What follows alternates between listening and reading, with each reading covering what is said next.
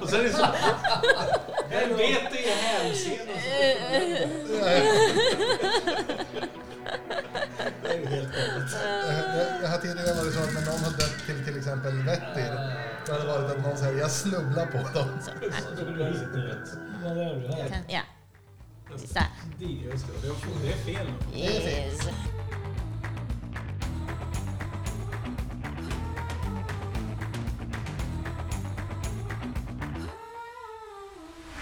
Podden Konsulatet stöttas av de här eminenta företagen.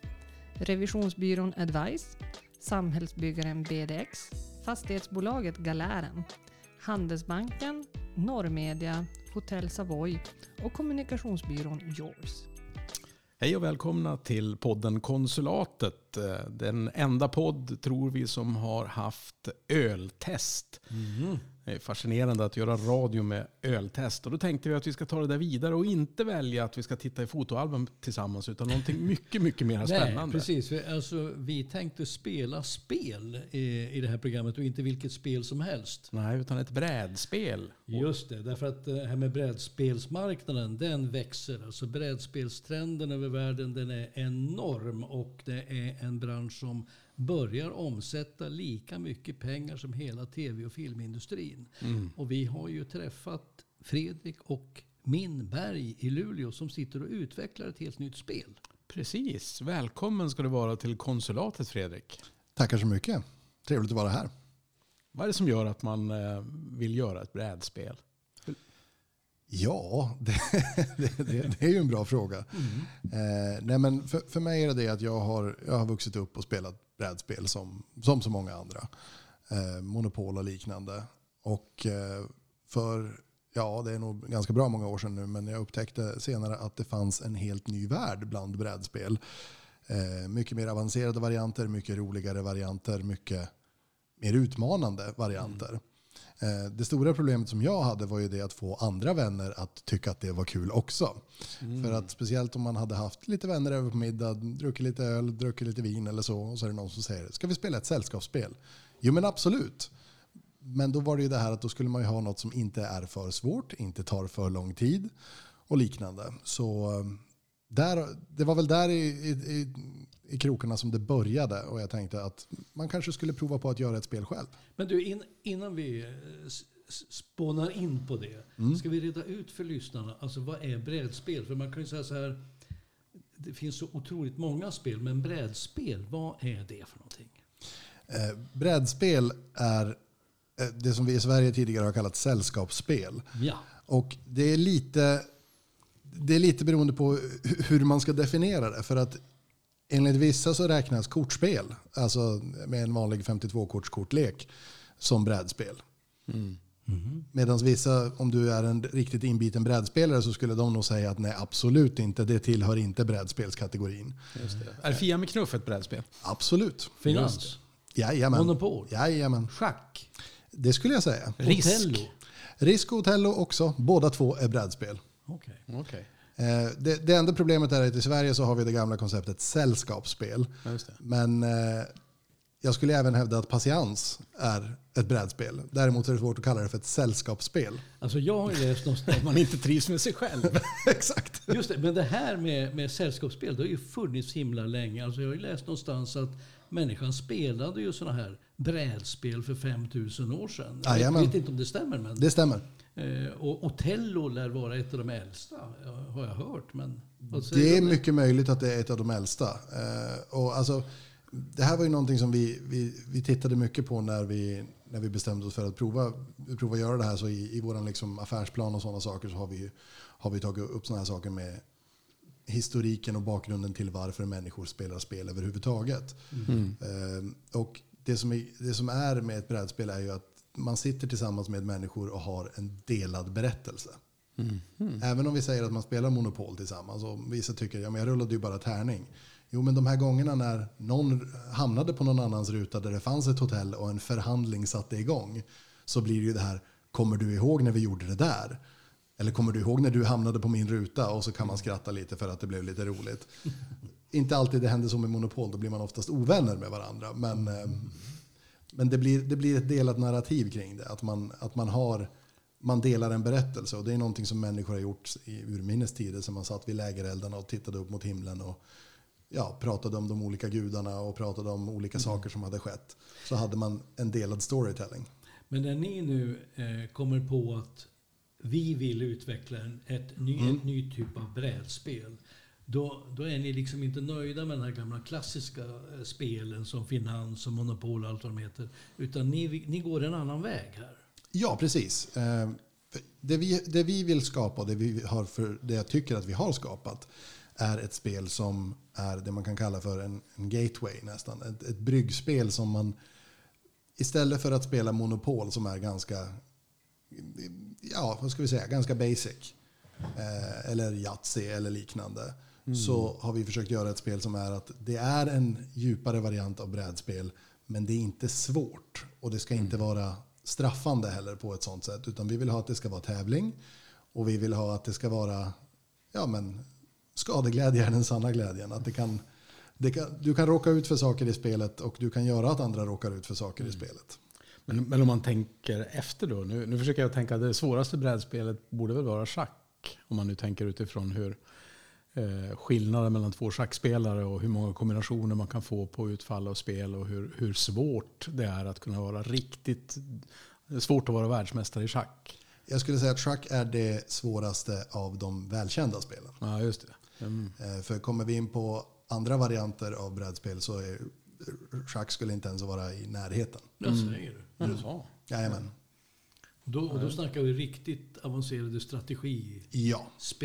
som. Mahjong då? Alltså, eller hur man uttalar det på det kinesiska. Det, det är väl ett eh, enormt Jag sitter på en sten, Jag sitter. brukar man säga i Mahjong. Ja, alltså Mahjong är ju ett, ett, det är ju ett avancerat spel. Det är ingen snack om den saken. Och det är också därför som det har klarat tidens tand och överlever än idag. Och är fortfarande väldigt populärt i Kina. Där spelar man ju inte brädspel på samma sätt som vi gör i Europa. Utan där är det ju fortfarande Mahjong som gäller och regerar. Eh, men det är klart att det finns mer avancerade spel. Men jag tänker Monopol är ju ett enkelt spel men det är rätt komplexa regler egentligen. Alltså det är mm, allting från slå tre gånger så kommer du i fängelse och det, det finns många olika sorters kort och ta tre steg tillbaka och så vidare. Men, men det upplevs ju inte så enkelt därför att det finns för alla av oss. Alla stöter på monopol om man, om man växer upp i Sverige på ett sätt eller ett annat. Precis, för att det är ju som du säger, det upplevs inte avancerat. Men det som jag tycker är kul med, med ett sånt spel som Monopol, det är ju när det blir de här förhandlingarna som kommer fram. För att bara själva tärningsrullningen i det blir ju lite så här, ja okej, du rullade, du gick dit, du köpte någonting. Men det är ju när man ska köpa antingen gator av varandra eller så som det upp, uppstår den, här, den här delade storytellingen som jag pratade om tidigare. Att man man då helt plötsligt har en berättelse tillsammans om ja, men Jonas, jag, om du får den här och så får jag den här och så kan jag få 20% rabatt nästa gång jag kommer till dig eller någonting sånt. Och Men det är ju ingenting som är i reglerna för Monopol utan det är någonting som händer utanför. Men när ni nu tar fram, när ni håller på att ta fram det här nya spelet som heter Forest of... Forest of Fyri. Och vad betyder det nu då? Eh, jo, det är nämligen så att Fyri är fornnordiska och betyder skog. Okej. Och det är en eh, mystisk skog som är, ja vad ska man säga, platsen för där det här spelet äger rum. Hur länge har ni hållit på att utveckla den här idén till Forest of Fury? Eh, ungefär ett och ett halvt år. Okej. Och hur går, hur, hur går det till att hitta på ett sånt här nytt spel? Är det som att skriva en bok? Att man liksom först gör en stor disposition? Och, eller hur? Ja, berätta. Eh, jag kan ju bara svara för hur vi har gjort. Jag vet ju inte hur andra brukar göra. Men eh, eh, det vi har gjort här är att vi, vi började tänka lite kring, kring ja, men en utformning av en spelplan med ett tema. Och sen så har vi fyllt det temat och den världen med allt från karaktärer till monster till, till brickor man drar till kort man drar. Till tärningar man använder. Och, och, och alla de här figurerna, monstren och allt vad det nu är, de har olika karaktärer? Ja, precis. Alltså, vi, har, vi har baserat mycket av våra monster på, på gammal mytologi. Inte alla. Vissa har vi hittat på själv. Vi tyckte att det behövde ett, en, ett fyllnadsmonster här eller där. Eh, men annars har vi baserat det på mycket mytologi eftersom att vi vill inte göra att folk, blir, folk känner att det här är för, för svår fantasy eller för svår science fiction eller liknande. Mm. Så vi har mer gått in på det här spåret med lite sagoväsen och också myter, om, myter som föräldrar sa till sina barn för att gå inte in i skogen för där kan du träffa på. Just det. Och, och man startar ju då med att, att välja karaktärer. Och där har ni väl också tänkt på ett lite, lite annorlunda sätt. Man kan välja att vara en av sex tänkbara karaktärer som spelare. Ja, precis. Eh, för vi ville ändå att det skulle vara eh, olika karaktärer som kan tilltala olika människor. Men att karaktärerna ska kännas nog unika, men det ska inte vara svårt att sätta sig in i vad är det jag kan göra med den här. Utan den viktiga frågan man behöver ställa sig är bara, är det någon av de här jag tycker känns rolig att spela? Och där har man ju då gjort ett, ett val därför att det, det finns ju inga rymdkaraktärer i skogen. Utan då väljer man en, att vara en, en, eh, en bråkstak. Man kan välja att vara en... En bråkstake eller en ordningsman eller en spådam. Eller en, en svindlare. Så och vad går spelet ut på om man bara skulle uttrycka det jättekort? Jättekort så går det ut på att eh, i mitten av den här spelplanen, det är ju en eh, hexagonalkarta så att, som det heter, eller en hexgrid. Och i mitten av den så är det en stad. Och man vinner genom att ta sig, hitta vägen in till staden och där visa upp att man har gjo- gjort sig värdig att få vara i stan genom att ha besegrat saker på vägen. Just det. Men det är inte så här helt lätt att kunna hitta heller till, till den här stan. För om man tittar på själva spelplanen så jag menar, det är sexkantiga rutor och man tänker man startar på olika delar och så känns det väldigt nära att komma till stan. Men så är det inte va? Nej, där har vi valt att göra så att vi har, vi har valt att göra så att när man drar en bricka och går åt det hållet så kan den bara leda till, vissa, till ett visst antal andra håll. Mm. Vil- Vilket jag var med om flera gånger. Att Ja. Jag kom inte in i stan fast jag stod där. Du hittade runt stan, inte in. Ja, precis. Och det, det, det är ju en av de sakerna som vi ville uppnå, att det ska, att det ska kunna bli sådana här nästan komiska lägen när man står, man är precis bredvid stan, men du lyckas inte hitta vilken väg man ska gå för att komma in.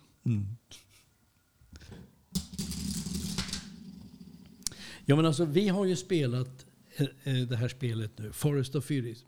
Vi, Ja. vi har spelat det som en prototyp. Eh, alltså inte det färdiga spelet. Och varför gör vi det?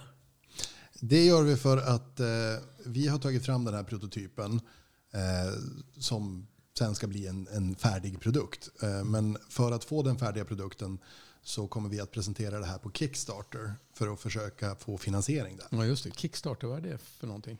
Eh, Kickstarter det är en, en sida där man kan, man kan presentera ett projekt som man vill uppnå och begära en viss mängd finansiering.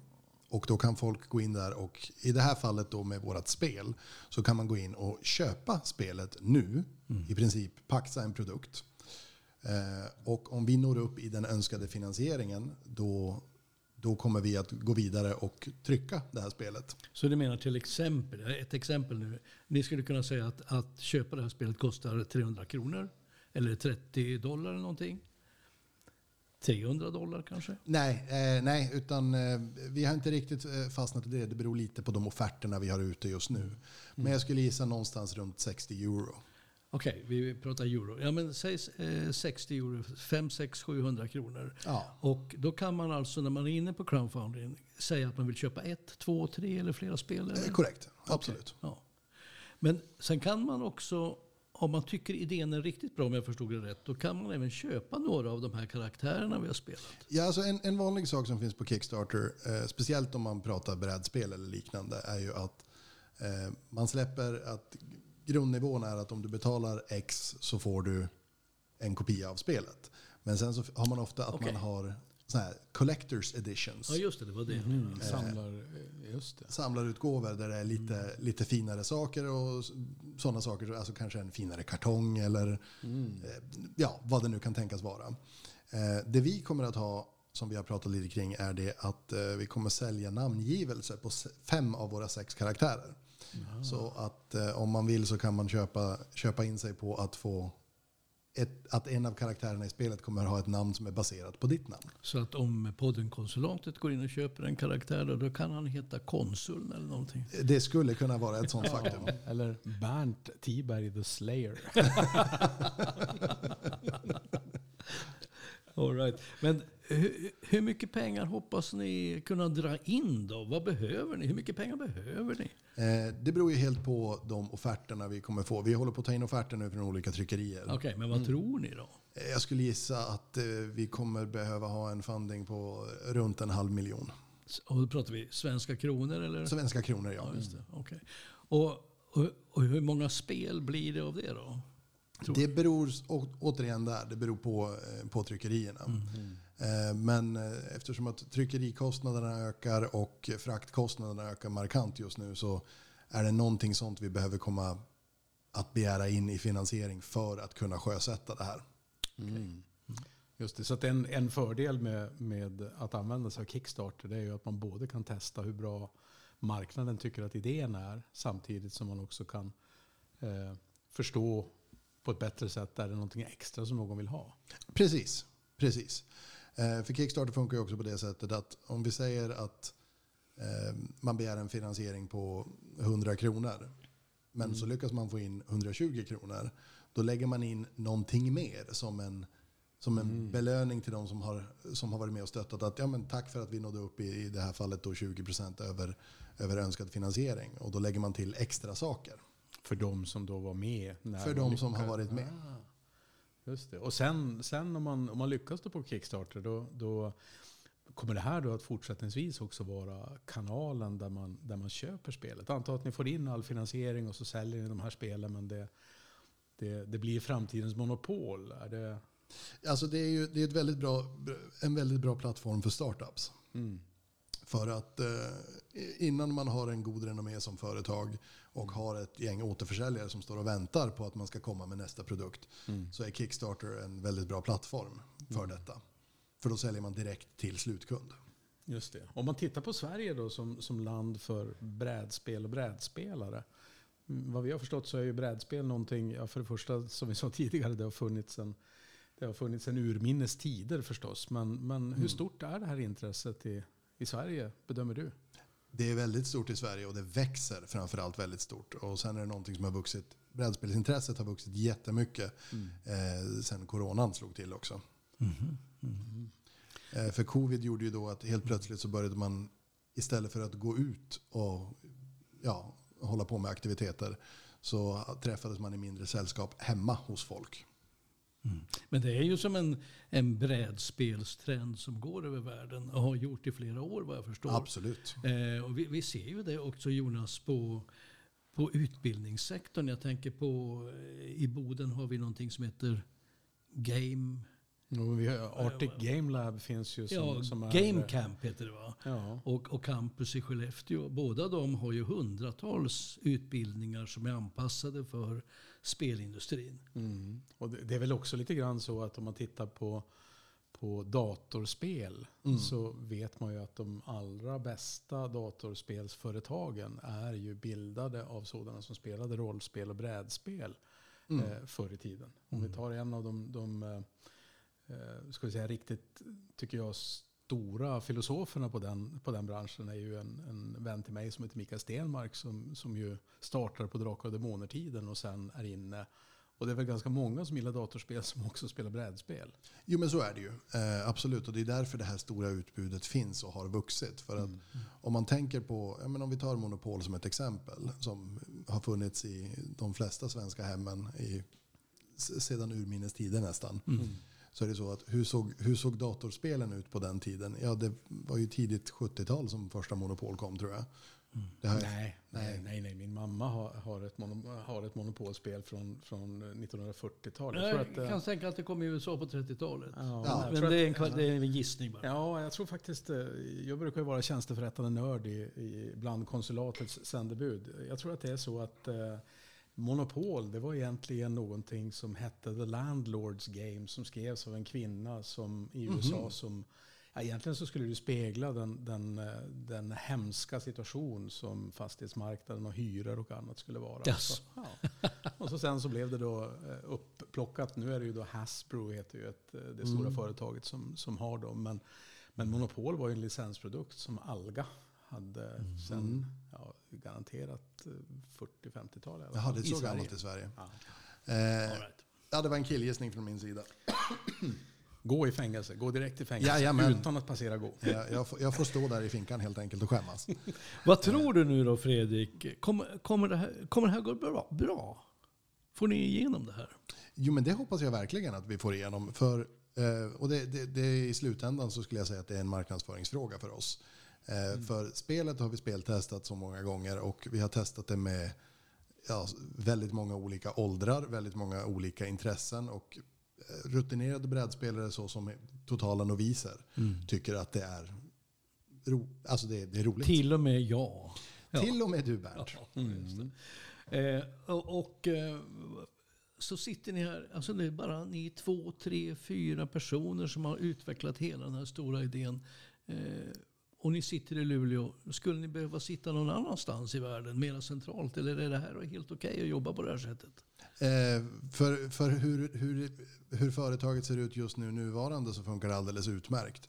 Vi är två stycken som sitter i Luleå, en som sitter i Stockholm och en som sitter i Jönköping. Och eh, om det här smäller till och blir större, hur stort bolag kan det bli av det här? Då? Ja, alltså det... ja, om man får, om man får önskedrömma så Ja. är det ju...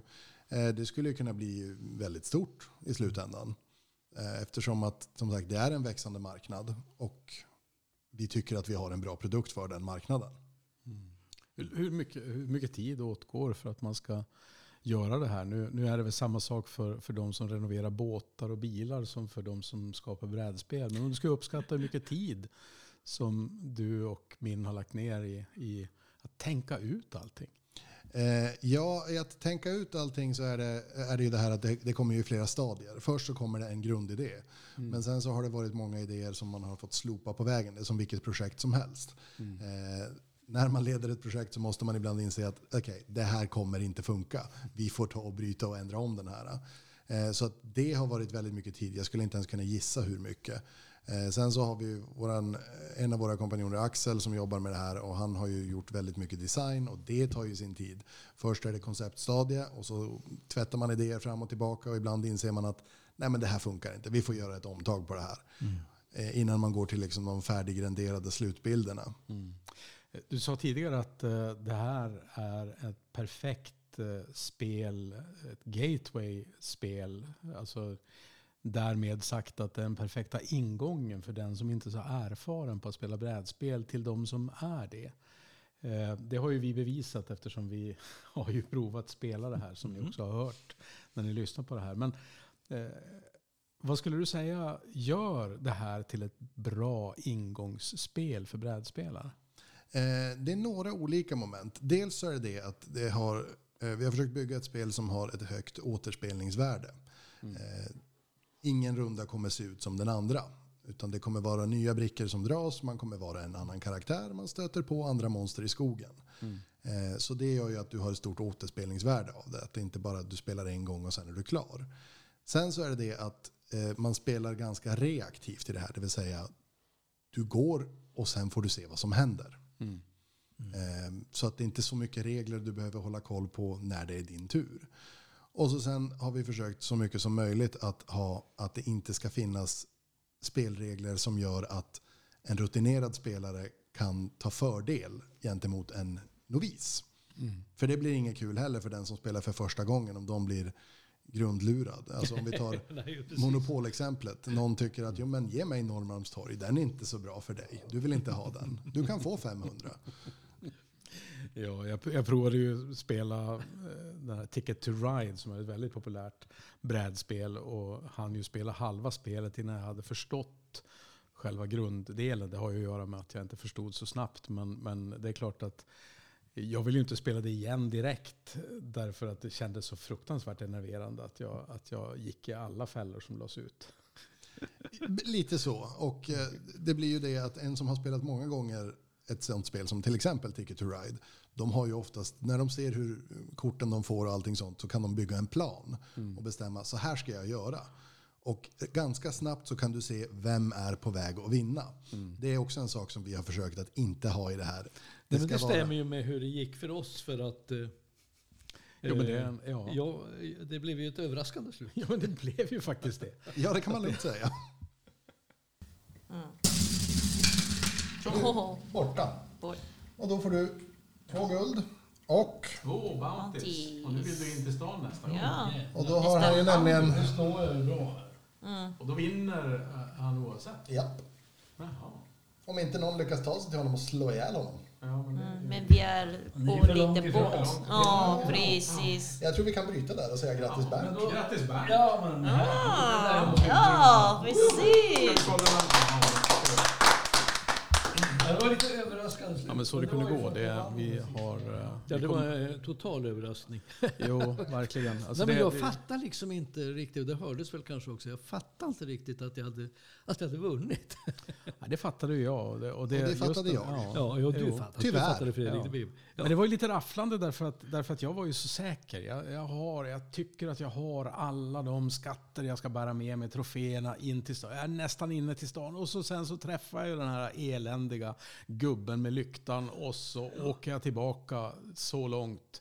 Och så har jag förstått att den sortens rafflande moment finns ju fler av. Eh, Den är väldigt vanlig, skulle jag kunna påstå. Eh, Det är väldigt vanligt att någon tänker, men nu, det här har jag.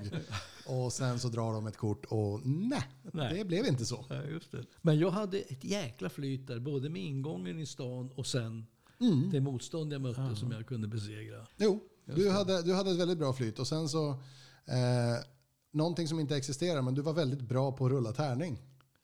Ja, men Det är en grejen, färdighet som många säger att den inte för finns. den här men, eh, karaktären jag hade, han, han, han var ju lite grann sådär, han var bra på att slåss men han tänkte liksom inte riktigt efter alltid innan han gjorde det. eh, hon till och Eller med. hon. Ja, just det. Hon ja. Ja. Sorry, sorry, sorry. sorry.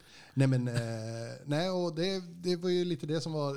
Du, du sa ju det, att du spelar golf och den här kan svinga och du kan svinga. Så det blir ju en bra kombination. Mm, bra. Den. Och, och jag, karaktären jag spelade var ju, var ju en binär person, så varken han eller hon. Icke-binär. Icke-binär. Ja. Ja, ja, ja, ja, ja, ja.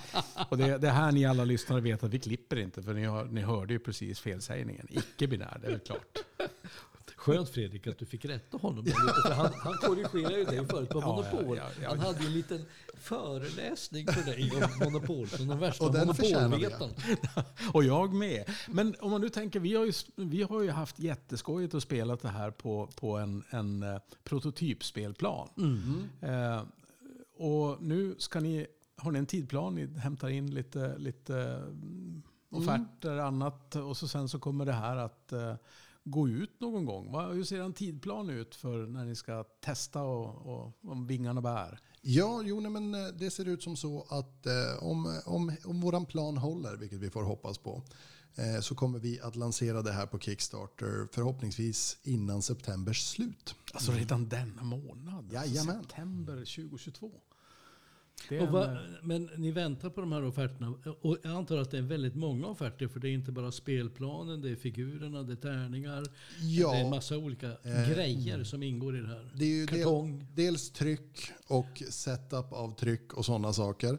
Men sen så är det ju också frakt och leverans till slutkund som man gärna behöver ha lite koll på innan man går ut på Kickstarter. Men finns det speciella företag som är spe- specialiserade på att tillverka den här typen av kartonggrejer och annat? Jajamän.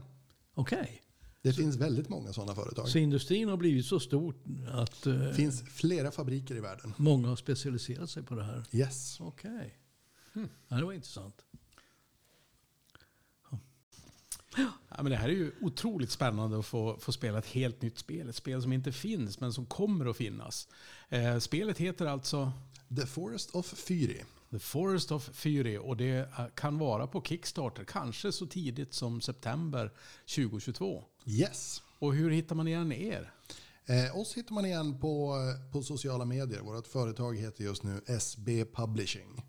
SB Publishing. Vad, vad står SB för? Secret Boots. Secret Boots. De det hemliga stövlarna. och det, jag gissar nu att det säkerligen finns Secret Boots i minst ett roll eller brädspel? Eh, ett datorspel. Ett datorspel. Aha. Ahaha. Ett gammalt, gammalt. Ett, mm, mycket spännande. Vi får säga tack till både dig Fredrik och till min för att vi har fått komma hit och prova spela. Mm, verkligen.